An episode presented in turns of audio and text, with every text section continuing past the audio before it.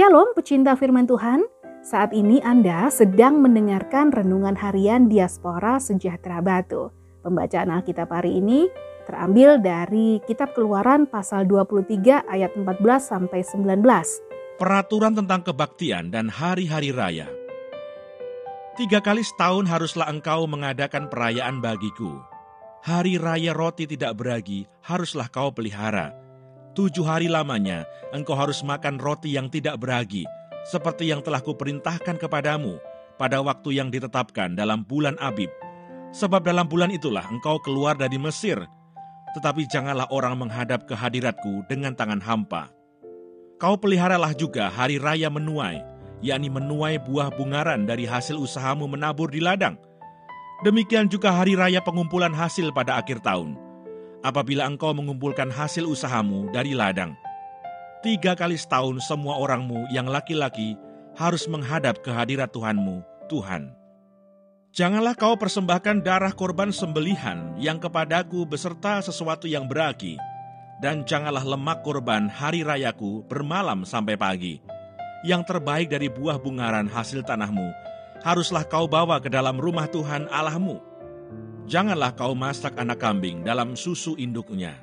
Ayat Mas hari ini dari kitab Keluaran pasal 23 ayat 19.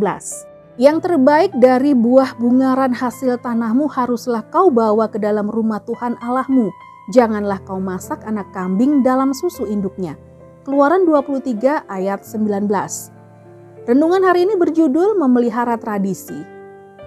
Bangsa Indonesia memiliki banyak tradisi yang diturunkan oleh para pendahulunya dan masih banyak yang dilestarikan sampai saat ini. Tradisi menjadi salah satu kekayaan yang dimiliki oleh bangsa Indonesia, sehingga pemerintah juga turut andil dalam pelestariannya. Dan salah satu cara melestarikan kebudayaan masyarakat Indonesia yaitu dengan mendaftarkan budaya nasional ke UNESCO, membuat acara pagelaran kebudayaan, memberikan hak paten terhadap setiap kebudayaan, dan lain-lain. Menurut KBBI atau Kamus Besar Bahasa Indonesia, tradisi adalah adat kebiasaan turun-temurun dari nenek moyang yang masih dijalankan dalam masyarakat. Tradisi juga berarti penilaian atau anggapan bahwa cara-cara yang telah ada merupakan yang paling baik dan benar Sedangkan menurut Cambridge Dictionary, tradisi adalah kepercayaan, prinsip, atau cara bersikap seseorang di sebuah lingkungan sosial atau grup yang telah dilakukan dalam waktu yang lama. Tradisi berarti cara berperilaku atau keyakinan yang telah ditetapkan untuk waktu yang lama sehingga tradisi dapat mempengaruhi cara berpikir seseorang. Tradisi nampaknya juga ada dalam gereja, salah satunya adalah beribadah dan memberikan persembahan.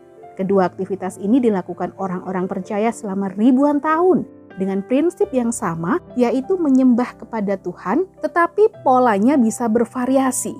Tradisi dalam gereja bertujuan untuk menolong pertumbuhan rohani umat, tetapi jika tidak berhati-hati, justru bisa menjadikan umat terjebak dalam rutinitas sehingga ibadah dan persembahan kepada Allah tidak membawa dampak dalam hidup. Saat ini gereja harus tetap memelihara tradisi, akan tetapi jangan sampai kehilangan sentuhan Allah dan akhirnya menjadi rutinitas belaka.